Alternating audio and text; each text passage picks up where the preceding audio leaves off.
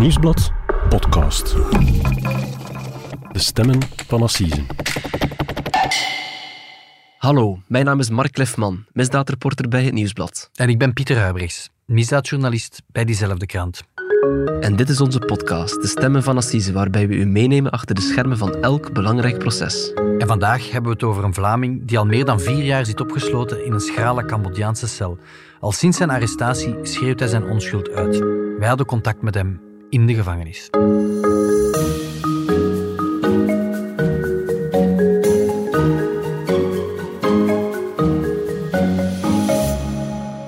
Dag Mark. Dag Pieter. Mark, welkom terug hier in onze uh, podcaststudio op Linkeroever. Um, we gaan een bijzondere podcast opnemen uh, vandaag. We gaan niet naar een assisezaak die momenteel aan de gang is. En we gaan het ook niet hebben over een, een moordzaak in Vlaanderen of dergelijke. We gaan naar Cambodja trekken, aan de andere kant van de wereld. Ja. Uh, want jij hebt, heb ik vorige week gelezen in de krant, contact kunnen leggen met een Vlaming die daar al meer dan vier jaar lang zit opgesloten. en vooral, als ik het goed begrijp, Mark, die heeft zeer slecht nieuws gekregen. Ja, dat is het minste wat je, wat je kan zeggen. Dus die man heet uh, Tanguy Taller, uh, is afkomstig uit Brugge, man van, van 42 jaar. En hij er effectief al uh, vier jaar en vier maanden opgesloten in ja, toch wel redelijk erbarmelijke omstandigheden. Uh, en effectief, ja, dus die man heeft zo pas te horen gekregen dat hij door het Hooggerechtshof in de Cambodjaanse hoofdstad Phnom Penh, daar is hij definitief veroordeeld tot levenslange opsluiting. Dus ja, ik kan je wel voorstellen, zijn, toe, dus zijn toekomstperspectief, dat is uh, alles behalve rooskleurig. Mm -hmm. Jij hebt hem kunnen spreken in de gevangenis, of je ja. hebt contact met hem kunnen we leggen? Hebben, we hebben contact kunnen leggen met hem in de, in de gevangenis daar. En, en wat ik vooral onthoud uit, uit, onze communicatie is dat ja, die man is echt radeloos aan het worden. Zo zegt hij uh, letterlijk. Kijk, ik zit hier nu al 1600 dagen opgesloten en ik probeer te overleven van dag tot dag. Maar nu begint het gewoon ondraaglijk te worden voor mij. En als de overheid ja, echt niets voor mij doet, dan, dan weet ik echt niet meer hoe het verder moet met mij hier in de gevangenis. Mm -hmm. Dus hij maant eigenlijk de, de Belgische overheid via de krant aan om actie te ondernemen? Absoluut. Neem ons mee naar januari 2018, want dat is eigenlijk een cruciaal moment om te begrijpen waarom hij in Cambodja levenslang heeft gekregen. Ja, dus eh, zoals ik zei, dus Tanguy is geboren en getogen in Brugge. Hij is, hij is afgestudeerd uh, later als, als een webdesigner. Mhm. Mm -hmm. um, maar hij heeft ook ja, verschillende jobs gedaan in ons land. Maar ik ben, ben vorige week lang bij zijn ouders thuis geweest. Ik heb een lang gesprek met die mensen gehad. En zij zeggen van, kijk ja, op een gegeven moment thuis in Brugge was hij wat zoekende. Uh, ze omschrijven hem als een persoon die wel een goede werker is. Maar qua administratie had hij zijn zaakjes zo niet helemaal op orde. Hij was misschien een beetje een warhoofd wat dat betreft. En er was ook een keer faillissement geweest, dus hij was niet helemaal gelukkig uh, in Brugge. En dan op een gegeven moment is hij naar Cambodja getrokken om daar misschien een beetje het geluk te zoeken. Hij wilde gaan reizen, gaan werken? Hij wilde gaan reizen, ja, hij, inderdaad. Hij had er ook een oudere broer, die woonde daar al een tijdje met zijn vriendin. Hij is daar een eerste keer op vakantie geweest. Maar dat overtuigde hem niet helemaal. Uh, hij is dan weer terug geweest naar Brugge. Uh, maar dan is hij dan toch nog eens teruggekeerd naar Cambodja. En op dat moment heeft hij daar ook een vriendin leren kennen, een Cambodjaanse vrouw. En al vrij snel raakte zij ook zwanger van hem. Had hij de ambitie om de rest van zijn leven in Cambodja door te brengen? Nee, eigenlijk niet. Dus volgens Tanguy was het in uh, 2018 al zijn droom om samen dan met die uh, Cambodjaanse vriendin en later dan natuurlijk ook een kindje terug naar België te, te verhuizen en zich definitief hier te settelen en hier een, een gezinnetje te starten. Uh, de bedoeling was dat ze dat pas later zouden, zouden doen, want ja, eerst zouden ze daar het kind op de wereld zetten en die vriendin kon blijkbaar ook nog niet meteen naar ons land terugkeren, omdat hij ook nog een, voor familie moest zorgen. Mhm. Maar dus in die periode, we spreken over begin 2018, uh, well, leefden zij daar en, en, trokken ze een beetje van guesthouse naar guesthouse. Waren tijdens, op vakantie. Tijdens ja. de zwangerschap van, van ja. zijn vriendin. Ja. En dan, ja, goed, uh, het kindje wordt geboren uh, op een gegeven moment. En een achttal maanden na die geboorte van dat kindje, van het, van het zoontje, was het dan Tanguy zijn bedoeling om uh, terug definitief naar ons land terug te keren met zijn, met zijn vrouw en zijn kind. En hij is dan op een gegeven moment langsgegaan bij de lokale autoriteiten om zijn visum en zo in orde te, te krijgen. Maar op dat moment, terwijl hij zich daar aanmeldt, wordt hij door de politie in de boeien geslagen. Door de Cambodjaanse door de politie Cambodjaanse aan politie. de ambassade? Ja, dus dat was een heel vreemd moment, zegt hij zelf. Want ja, ik wist zelf niet dat ik gezocht werd, maar plots werd hij daar opgepakt. En bleek dat hij al maanden geseind stond ja, in Cambodja, omdat hij verdacht werd van drugshandel. Meer bepaald van, van cocaïnesmokkel. En is dat iets wat die Cambodjaanse speurders op dat ogenblik, als ze hem in de boeien slaan, tegen hem zeggen? Ja, dus hij zegt van kijk, ik wist helemaal niet waarover het ging, maar ja, natuurlijk vertellen ze hem dan wel waar hij dan, waar, waar hij dan van, van verdacht wordt. Drugstrafiek. Drugstrafiek. Maar ja, hij, zei, hij dacht zelf van, ja, kijk, ik heb hier niks mee te maken, zegt hij. En, en na een korte ondervraging zouden ze me wel weer laten gaan. Volgens zijn verhaal lachten die agenten hem een beetje uit en zeiden ze hem op een gegeven moment klaar en duidelijk van, kijk, eh, meneer, jij gaat voor heel lange tijd naar de cel. Mark, ik resumeer even. Hè. We zitten met een Vlaming uit Brugge die daar zit met een, met een zoontje, acht maanden oud, Cambodjaanse vriendin, van plan om terug naar België te keren. Ja, Plots is er een arrestatie, er is cocaïne gevonden en hij zit in de shit. Ja, inderdaad, zo is het. Voor alle duidelijkheid, Tanguy Taller is in, in heel dit verhaal is hij nooit zelf betrapt geweest eh, op, het gebruik, op het gebruiken van drugs of echt van de smokkel van drugs. Maar om dat hier allemaal te kunnen begrijpen, waar, waar hij dan precies van verdacht wordt, moeten we eigenlijk de naam van een ander bruggeling erbij halen. En die man, dat is David Katri. En dat is iemand die in België woonde of iemand die in Cambodja verbleef? Ja, inderdaad. Dus David Katri die woonde eigenlijk al langer in Cambodja. Zowel hij en Tanguy zijn van Brugge afkomstig, maar dat is eerder toeval. Het is eigenlijk zo dat eh, David Katri die baatte in Cambodja samen met nog een andere West-Vlaming, David DW noemen we hem.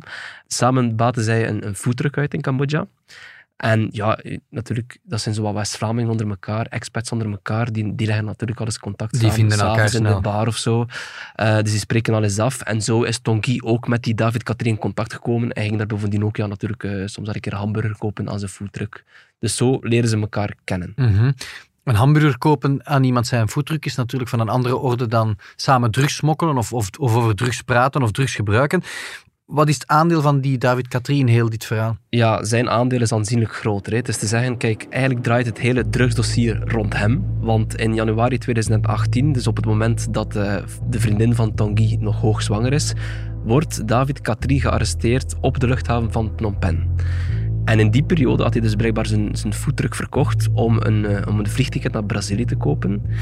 En daar zou hij dan een, een kilogram cocaïne hebben gehaald. En dan om die lading drugs dan ja, in zijn bagage mee te smokkelen naar Cambodja. Ja, de smokkel van Brazilië naar Ja. Cambodja, cocaïne, ja. daar kreeg hij allicht gigantisch veel geld voor.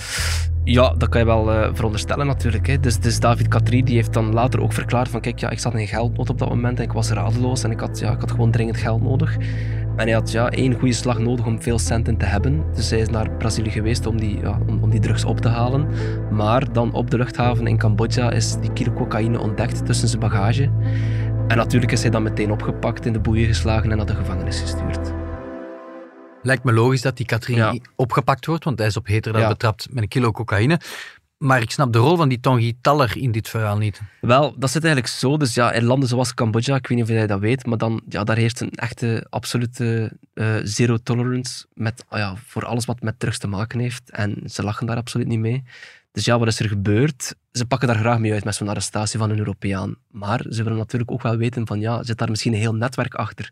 Een heel, ja, heel drugsnetwerk. Dus ze hebben aan, aan David Katri gevraagd van, kijk, ja, eh, wie heeft jou die opdracht gegeven om die lading drugs van, van Brazilië naar, naar, Cambodja te smokkelen. Want dat dat plan niet zelf bekokst wordt.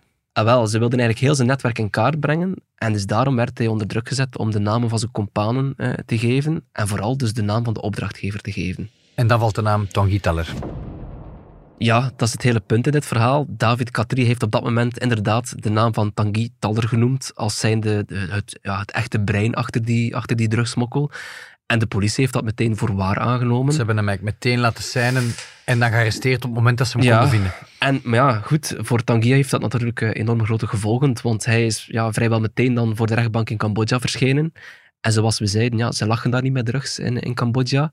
En de rechtbank heeft toen ja, Tanguy Taller eh, ja, onmiddellijk, ja, eigenlijk toch wel een beetje zonder echte bewijs, maar vooral dan één, één verklaring dan van eh, David Katri, veroordeeld tot een levenslange gevangenisstraf. Hij slaapt op beton. Hij slaapt op beton. Ja. Hoger dan de Cambodjaan zelf. De Cambodjaan liggen op de grond. Op zo'n strooimatje.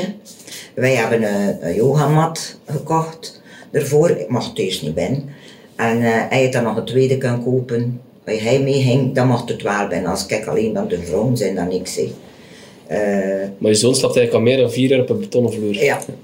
Maar hoger dan de Cambodjaan. Nog die sjaals, maar ja goed. En Ja, er die- cel van... De cel, de, van de cel, allee, 10 die man cel- of zo'n 70 man zo'n zijn. cel hebben we ook 70 gezien. man. We hebben die cellen daar... 100 man Nee, gezien. we hebben die cellen daar niet gezien, maar we hebben een gelijkaardige cel gezien in, in dat, in dat, eh, aan de luchthaven daar, die dingen, waar dat die, inderdaad die betonnen blokken, en daar lagen tien gasten op een betonnen blok. Dat was alles daar in de transitzone, ik maar zeggen. ze Maar in, de gevangenissen zelf liggen ze in zo'n cel met 70, 80. Dus waar dat ze dus ja, lepeltje, lepeltje op de grond liggen. Wat dat ze krijgen is een komkommersoep. Dat is een, een, een, een, in de consommé. Het is, klaar eigenlijk. En daar liggen drie slierten komkommer in. En, en, en een pot rijst. Dus die, die, die mensen die daar zitten en die daar moeten van leven, die, zie, die zijn graten mager. Een haar valt uit, een tand, tand valt uit. Die gaan, allee, dat- dat- En die zijn onder voet. er nu uit? Maar wij- wij- wij- wij sturen geld dat hij alles kan kopen? Ik, ik, koop, ik koop vlees, ik koop, ik koop, ik Ik koop kan dat dan wel kopen in de gevangenis. Ja, ja, maar dat is een, ze zijn wel zo slim. duur, hè. of in de Dat is een shop, dat, dat is een shop. De, de prijzen van, van, van de, de markten mal vier. Dus ja, dat is een inkomen. hè. Eh, Als de schoenen versleten zijn, ah ja, een nieuwe schoen, alleen niet Je kan voor 30 euro een paar schoenen kopen, maar in de gevangenis is het 90 euro. Mark, even kaderen. We horen hier net een geluidsfragment van jouw interview met de ouders van eh Tanguy Taller in Brugge, dat je vorige week hebt eh, afgenomen. Ja, wat heel duidelijk naar boven komt natuurlijk, is ja, die, die schrale levensomstandigheden van hoe het eraan toe gaat in zo'n Cambodjaanse gevangenis. Het lijkt mij een van de laatste plekken op aarde waar je wil belanden. Ja, dat lijkt mij ook. Hè. Dus we zeiden het daarnet. Hè. Dus Tanguy Taller is dan eh, vrij snel na zijn arrestatie veroordeeld tot levenslang. En dat is dan allemaal omdat hij ervan verdacht wordt dan betrokken te zijn bij die, bij die smokken van 1 kilo cocaïne. Maar de, de autoriteiten daar hebben hem meteen opgesloten in de gevangenis Preissar. En zo noemt dat daar. En in de volksmond wordt het ook wel de, de, de hel genoemd, omwille van die ja, echt wel povere omstandigheden daar. Mhm. Ze zeggen ook lepeltje, lepeltje liggen op een eh, betonnen vloer. Ja, en, en de buitenlanders hebben dan nog wat geluk, want zij mogen een verdieping hoger liggen. Ze liggen iets hoger dan de Cambodjanen zelf. Dat is een soort privilege die ze dan ja, schijnbaar krijgen. Wellicht ook omdat ze wat meer centen hebben of meer centen krijgen toegestuurd eh, van het thuisfront. Want je hoort het, hè, dus Linda, de mama, en, en Yves, de stiefpapa van, eh van Tanguy, die zeiden in het fragment ook, kijk ja, alles heeft daar zijn prijs in die gevangenis. Er is een soort markt, eh, zodat ze dan ja, voor Tanguy een beetje ja, betere leefomstandigheden kunnen creëren daar. Mhm. Wat vele lezers ongetwijfeld onderschatten, Mark, is hoe extreem moeilijk het is om een tot levenslang veroordeelde eh, Vlaming in een Cambodjaanse cel te spreken te krijgen. En jij bent daarin geslaagd. Hè? Je hebt daar een strafweekendstuk over gemaakt, eh, vorige week in de krant ook. En op de website, eh, hoe ben je daarin geslaagd? Ja, het klinkt misschien een beetje flauw, maar hoe we dat gedaan hebben, dat, dat mag ik niet uitleggen in de podcast. Eh, Dat heeft- klinkt als iets illegaal. Ja, Tanguy heeft me dat zelf uitgelegd. Allee, we mogen dat niet, niet expliciet zeggen, zodat hij niet in een probleem zou komen in de gevangenis. Maar bon, we hebben dus eh, wel kunnen communiceren met hem en hij heeft me dan ook geschetst in welke omstandigheden hij dus zelf al meer dan ja, vier jaar zit opgesloten.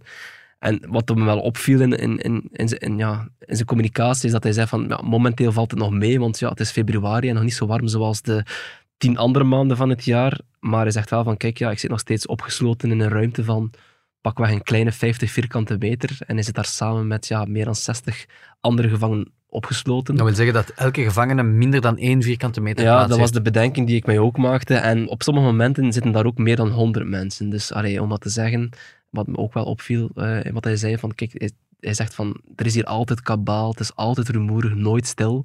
En het licht gaat er eigenlijk nooit uit. Dus, allee, De hel op aarde. Ja. De ouders van uh, Tongi Taller geven het ook al aan. Qua hygiëne is het ook geen pretje. Nee, inderdaad. Dat is ook een van de grote bezorgdheden van de, van de ouders van Tanguy. Zeker ook van zijn, van zijn stiefvader, die zelf arts is. En Tanguy heeft me ook wel duidelijk gemaakt dat hij zelf ook al last heeft gehad van hartkloppingen en duizeligheid. Maar los van dat fysieke vindt hij vooral de, uh, ja, de, de, de uitzichtloosheid, dat vindt hij het zwaarst. Hij zegt letterlijk, de tijd gaat hier zo traag voorbij. Hij zit daar nu dus ja, meer dan vier jaar, maar het voelt voor hem aan als zeker 15 tot 20 jaar dat hij daar vastzit. Mm -hmm. Ik denk dat hij vaak droomt van uh, het gezellige West-Vlaanderen. Ik denk het wel, ja. Um, natuurlijk, ja, kunnen hier heel veel compassie tonen in deze podcast met een Vlaming die aan de andere kant van de wereld is opgesloten tot een levenslange opsluiting. Mm -hmm. Maar je zou kunnen stellen, iemand die ginder zo'n zware criminele feiten pleegt, ja, die moet met zijn gat op de blaren zitten, die wordt gestraft en die vliegt nu eenmaal in de gevangenis. Ja, en dat is bijvoorbeeld wat zijn stiefvader mij ook letterlijk heeft gezegd. Hij zegt, ja, als hij het gedaan heeft, dan moet hij maar op de blaren zitten. Dat heeft hij gezegd. Maar doorheen de jaren is wel duidelijk geworden, volgens hen, uh, dat, dat Tanguy onschuldig is. Hij heeft vanaf dag één zijn onschuld uitgeschreeuwd. Hij zegt, ik heb niets met die cocaïnesmokkel te maken. Ik was geen opdrachtgever. Ik wist van niets. Hij heeft die cocaïne ook nooit fysiek in zijn bezit gehad. Nee, hij zegt van, kijk, ik wilde alleen maar met mijn vriendin samen zijn, een kind krijgen en terug naar België keren.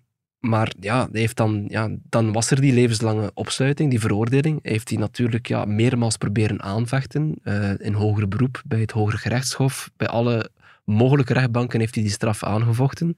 Maar telkens is zijn veroordeling bevestigd en ook nu weer heel recent heeft de rechtbank hem nu definitief veroordeeld tot levenslang. Mhm. Dus dan veel meer nog dan die hygiënische omstandigheden met 60 samen op, eh, op Mhm. cel, is die uitzichtloosheid die, hem, die hem wanhopig maakt. eh, allemaal te begrijpen natuurlijk. Hoe gaat hij daarmee om? Wat vertelt hij daar zelf over? Wel ja, hij zegt van kijk, ik ben van, van nature uit ben ik wel een positief ingesteld persoon, maar, maar ja, er zijn echt wel grenzen. Eh, Zeker omdat hij vanuit zijn redenering totaal Vanuit zijn redenering is hij van, ja, hij zegt letterlijk, ik ben erbij gelapt en nog geen beetje ook. Dus, en dat komt voor, volgens hem dan allemaal door die andere bruggeling, David Katri. En Tanguy zegt, ja, kijk, ik ben veroordeeld op basis van één gelogen verklaring van David Katri. En ja, we moeten wel zeggen, doorheen die jaren is effectief wel bewezen dat die verklaring ook effectief gelogen blijkt.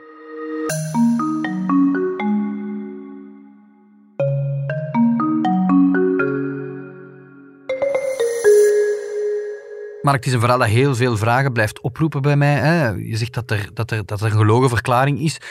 Maar misschien moet je eerst eens uitleggen, ja, wat had die David Katri tegen die Tanguy Taller? Volgens mij hadden zij geen problemen op voorhand. Eh, maar het is, dus- ja, we zitten met een situatie dus eigenlijk van drie West-Vlamingen die daar in Cambodja zitten. Hè. We vertelden het al. Eh, David Katri die baatte een foodtruck uit samen met David DW, die andere West-Vlaming. En dan heb je Tanguy, die daar eigenlijk ja, die daar soms hamburgers kwam kopen. eh, en die ook wel samen iets ging drinken met hen dan in Cambodja. Dus op die manier kennen ze elkaar. Maar het verhaal is eigenlijk dat eh, zowel David Katri als die andere David, zij hebben op een gegeven moment hun foodtruck verkocht om vliegtickets te kopen naar Brazilië. Want zij hadden het plan opgevat om vanuit Brazilië cocaïne te smokkelen naar Cambodja in de hoop daar heel veel centen mee te verdienen. Dus de andere, de zakenpartner van toen, De is er wel bij van betrokken. toen, die is er wel bij betrokken. Dus zij twee zijn verantwoordelijk voor die drugsmokkel. Tanguy had daar, volgens het verhaal van Tanguy, helemaal niets mee te maken. En is erbij gelapt. En wat is er dan gebeurd? Dus David Katri wordt opgepakt en betrapt met die kilo cocaïne in zijn bagage. Later, op een, in een later stadium, dus echt wel na zijn opsluiting nog, heeft hij toegegeven van kijk, het was eigenlijk niet eh Tanguy Taller die mij die opdracht had gegeven om die drugs te smokkelen. Het was David DW. Die had mij gezegd van kijk, als je betrapt wordt, zeg dan dat Tanguy de opdrachtgever was. Terwijl David, die andere David de echte opdrachtgever Dus hij was. werd onder druk gezet door zijn Hij werd onder druk gezet en hij zegt van kijk, als je mij ooit verlinkt, dan weet ik je moeder wonen en dan ga ik je moeder iets aan doen.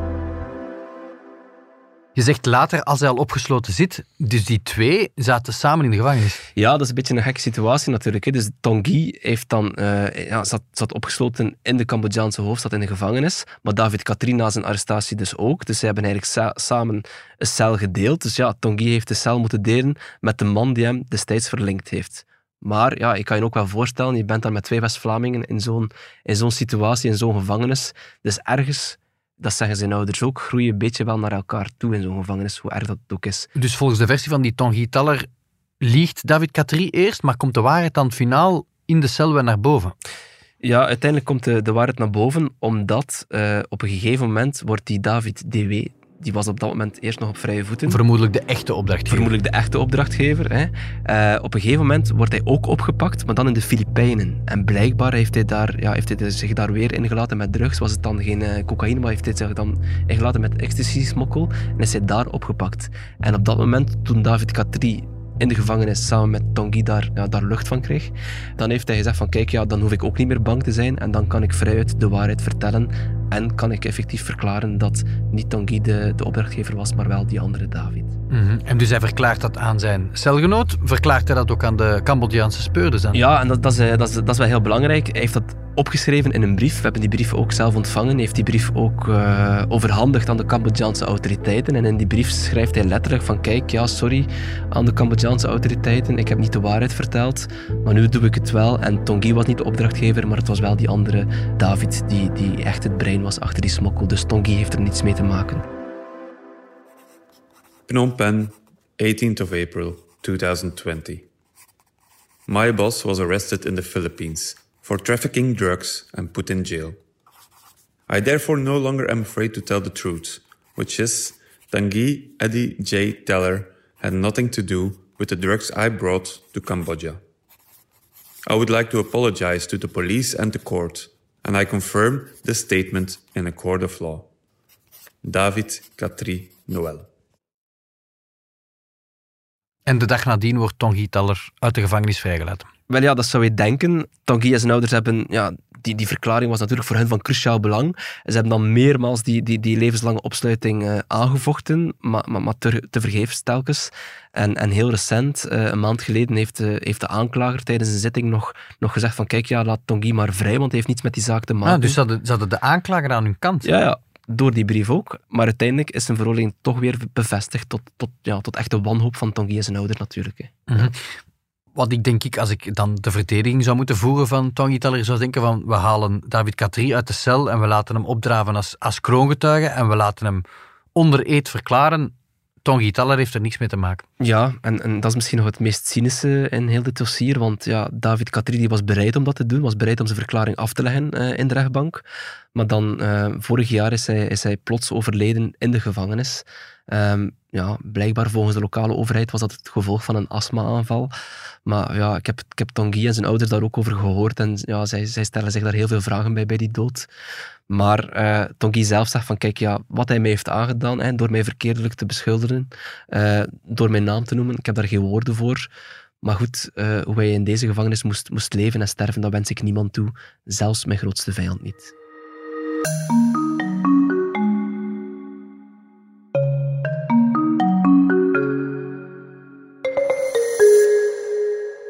Je moet een eerlijk proces krijgen. Kun je daar geen druk op zetten dat, er daar, dat, dat de juridictie dat, dat daarop geen kloten in trekt? Kun je, allee, je, je slaat bilaterale akkoorden af, denk ik, toch met, met, met handels of weet ik veel. Leg dat dan in de weegschaal. Brengt dat, te, brengt dat ter sprake? Ja. Maar, ja, dat is, uh, het is een kleine garnaal. hè. Het is een- oh, en, en met drugs, ja. ja.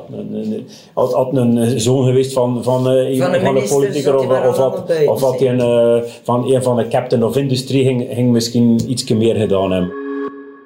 Maar ik hoor hier opnieuw een fragment van de ouders van Tanguy, met name zijn stiefvader, die, die duidelijk heel misnoegd is en die zegt van ja, het is tijd voor een eerlijk proces. En hij zegt ook dat zijn zoon geen eerlijke kans heeft gekregen eh, om terug naar ons land te komen. Dat zijn radeloze mensen, denk ik. Ja, dat is, dat is het minste wat je kan zeggen. Hè. Dus die, ja, die mensen geloven natuurlijk rotsvast eh, in de onschuld van hun zoon. En, en ja, ze proberen hem daar al vier jaar vrij te krijgen. Ehm, zijn moeder, Linda, die is, al, die is al een paar keer naar daar gereisd om hem te, te gaan bezoeken. Maar evident ja, is dat natuurlijk niet. En Eh, een dure grap ook. kost veel geld. Eh, en met, ja, tijdens corona was dat ook al niet mogelijk om daar, daar naartoe te reizen.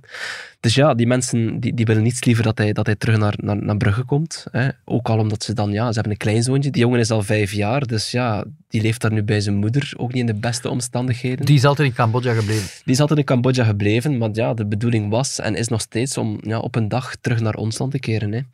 Maar heel die zaak heeft, heeft die ouders, dus los van alle stress natuurlijk, ja, ook al heel veel geld gekost. eh, en moeite natuurlijk, want ze hebben allerlei procedures aangespannen. Ze hebben tal van brieven geschreven naar, eh, naar alle ministeries van Buitenlandse Zaken doorheen de jaren. Eh, zelfs de koning hebben ze, hebben ze aangeschreven, maar, maar voorlopig allemaal ja, zonder resultaat. En maakt het allemaal nog wel iets uit? Want ja, ik hoorde je daarnet zeggen, Hooggerechtshof, eh ja, in beroep veroordeeld tot levenslang. Daar valt weinig aan tegen te beginnen, denk ik. Ja, ik ben zelf ook eens gaan luisteren bij Buitenlandse Zaken en daar hebben ze mij gezegd van, kijk, ja, er is, er is hoger beroep geweest eh, tegen zijn straf, eh, maar hij is definitief veroordeeld tot levenslang en een, een nieuw beroep of een, of een nieuwe procedure is eigenlijk niet meer mogelijk. Maar ze stellen wel formeel hier bij ons in Buitenlandse Zaken, zeggen ze van, kijk, zowel lokaal daar in Cambodja als hier in Brussel zijn we bezig met eh demarches op hoog niveau, noemen ze het, om ja, gedetineerden, landgenoten zoals Tanguy, eh, toch terug naar ons land te krijgen, zodat ze dan niet eh, jarenlang daar hoeven vast te zitten in die, in die povere omstandigheden. Mhm. Wij volgen allebei al meer dan een decennium justitie, Mark. Ik heb weinig weet van uitleveringen uit Cambodja naar Belgische gevangenissen. Ja, en dat, dat is het grote probleem. Dus ja, die, die, die gesprekken lopen al heel lang. Maar ik vang toch op, ja, ik vang toch signalen op dat het vooral de, de, de Cambodjaanse autoriteiten zijn die daar, die daar blijven dwars liggen. Dus die gesprekken rond Tongiz's situatie, die, die lopen ook al anderhalf jaar. En Buitenlandse Zaken zegt formeel van, kijk, ja, de, de, de soevereiniteit, zoals dat dan heet, van elk land, eh, ja, daar kunnen we niet zomaar tussen beiden komen. Dat moet gerespecteerd worden. Dus ja, we kunnen ons niet zomaar moeien met gerechtelijke procedures in een ander land. Mhm. Je zou kunnen veronderstellen dat ambassades, zowel hier als daar, dan hun rol spelen. Ja, ja, absoluut. Hè. Dat, dat gebeurt ook. Dus ze proberen wel zijn detentie zo, ja, zo aangenaam mogelijk te maken, zeg maar. Dus te zeggen, er is een ereconsul en die bezoekt hem elke maand daar in de gevangenis. Die neemt ook eten voor hem mee. En de ambassade heeft er ook wel voor gezorgd dat, dat Tanguy ja, heel frequent bezoek kan en mag krijgen van zijn, van zijn vrouw, van zijn vriendin. En van, van zijn kindje natuurlijk ook. Mhm. Dus die Zowat- komt hem ook eh, heel regelmatig bezoeken. Zowat het enige lichtpunt. Ja, maar dat maakt het ook dubbel, zegt hij zelf. Want ja, dat helpt mij erdoor, die bezoekjes. Maar het is ook weer moeilijk dan om ze te zien vertrekken. En eigenlijk, bottom line, zegt Tanguy, ik, ik probeer vooral niet te veel niet meer vooruit te denken, want ja, het is, het, is, het is een beetje uitzichtloos aan het worden en er moet gewoon dringend iets veranderen. Want zegt hij van, ja, zowel voor mezelf, voor als mijn familie, mijn, mijn gezin en mijn ouders, is het gewoon niet meer te doen na vier jaar. En hij zegt van, ja, ik, ik, ik weet niet of ik nog lang aan kan om hier pakweg nog vier jaar te zitten. Dus hij doet echt wel een noodkreet aan de bevoegde ministers om, ja, om iets voor hem te doen, want hij zegt letterlijk, ik weet niet hoe het anders nog verder moet met mijn leven. Mhm. Je hebt eh, de dagen nadien nog een, nog een tweede stuk erover geschreven, als ik dat goed begreep. Ja. Buitenlandse Zaken neemt de zaak wel serieus op. Ja, absoluut. Dus ze, ze proberen eraan te werken, maar zoals ik zeg, het is, het is voorlopig te vergeefs. Ja. Mhm. Merci Mark om dat hier te komen schetsen. Hè. Het blijft een, een zeer fascinerend gegeven ja, dat iemand al dan niet hè, die kilo cocaïne ginder heeft gesmokkeld, dat die levenslang krijgt op basis van een gelogen verklaring. Ja, als je de parallel trekt naar de Belgische rechtbanken, hè, we schrijven elke dag over de Antwerpse rechtbank, waar elke dag wel eh, criminelen veroordeeld worden wegens de smokkel van cocaïne. En meestal wat meer dan, dan één kilo. cocaïne. Ja, maar die krijgen wel een, eh, een mindere straf dan uh, Tanguy Ginder tot levenslang. Absoluut. Ja, ik neem aan ja, dat jij hier nog over gaat schrijven, eh Mark, de komende jaren. Jij ja, had- we gaan de situatie wel opvolgen met zijn ouders ook, hoe, hoe dat daar verder evolueert en hoe lang je daar nog in de gevangenis moet blijven. Mhm. Mark, hiermee sluiten we onze eh, eh, wekelijkse podcast De Stemmen van Assise af. Ehm, zoals jullie weten, eh, beste luisteraars, hebben wij een vijfdelige podcast special gemaakt over eh seriedoder, eh, seriemoordenaar eh, De Lyon. Dat Assiseproces is nog volop bezig in Antwerpen. Collega Cedric Lagast is dat voor ons aan het volgen. De website online, op sociale media ehm, en in de krant. En volgende week komen wij uitgebreid terug op dat arrest. Dit was De Stemmen van Assise, een podcast van het Nieuwsblad. De presentatie was in handen van Mark Cliffman en mezelf, Pieter Huibrechts. Voor de fragmenten gaat onze dank uit naar de ouders van Tanguy Taller. De audioproductie was in handen van Benjamin Hertogs van House of Media. De productie werd in goede banen geleid door Bert Heijvaart en Joni Keimolen.